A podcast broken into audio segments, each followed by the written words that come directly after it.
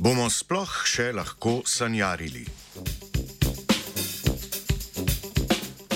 Kanadska raziskovalna skupina v reviji Environmental Health poroča o vplivu onesnažil v avtomobilskih izpušnih plinih na zmanjšano aktivnost posebnih možganskih predelov.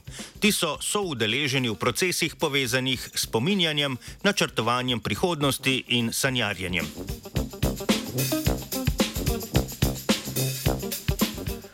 Predeli možganov, ki delujejo kot med seboj povezujoče se omrežje in jih je v nevroznanosti in jih v nevroznanosti imenujejo Default Mode Network, so najbolj aktivni v tako imenovani mirujoči fazi.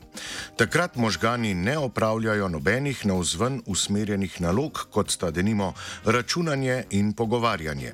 Vključeni pa so v več pomembnih notranje usmerjenih funkcij, kot so zmožnosti spominjati se že doživetih dogodkov, razmišljati o lastnem čustvenem stanju, misliti o razmišljanju drugih, predstavljati predstavljati si in načrtovati dogodke v prihodnosti.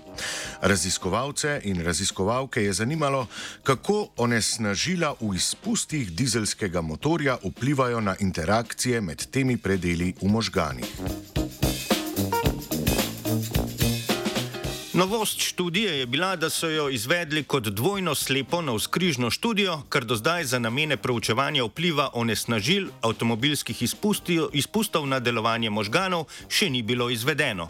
Isti udeleženci so bili tako naključno izpostavljeni tako filtriranemu zraku, kar je predstavljalo kontrolo, kot tudi onesnaženemu zraku, s čimer so podvojili testni vzorec in zagotovili statistično zanesljive rezultate.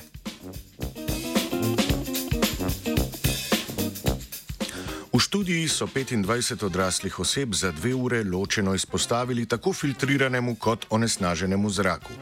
Slednji je predstavljal standardno mero dizelskih izpustov, v katerih se poleg visokih koncentracij oglikovega dioksida in dušikovega dioksida nahajajo škodljive kemikalije, kot sta benzen in formaldehid. Predele možganov so posneli z magnetno resonanco, udeleženci in udeleženke pa so se pred slikanjem miselno umirili, s čimer so zagotovili ustrezno aktivnost opazovanih možganskih predelov. Ti so najbolj aktivni v mirnem stanju. Kontrolni skupini, ki je bila izpostavljena filtriranemu zraku, je bila v primerjavi s časom pred izpostavljenostjo na slikah opažena visoka aktivnost. Na posnetkih je bilo tako mogoče opaziti rdeče obarvana območja.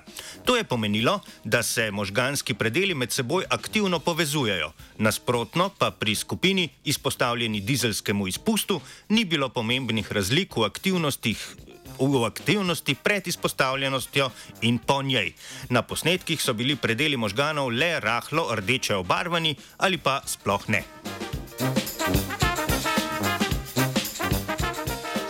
V študiji so tako z visoko zanesljivostjo pokazali, da že kratka izpostavljenost izpušnim plinom dizelskih motorjev akutno poslabša intenzivnost povezovanja možganskih predelov pri ljudeh. Raziskovalci in raziskovalke predvidevajo, da so negativne posledice na delovanje možganov še večje v realnih pogojih, v katerih smo ljudje kronično izpostavljeni avtomobilskim izpušnim plinom. Pisala je Urška.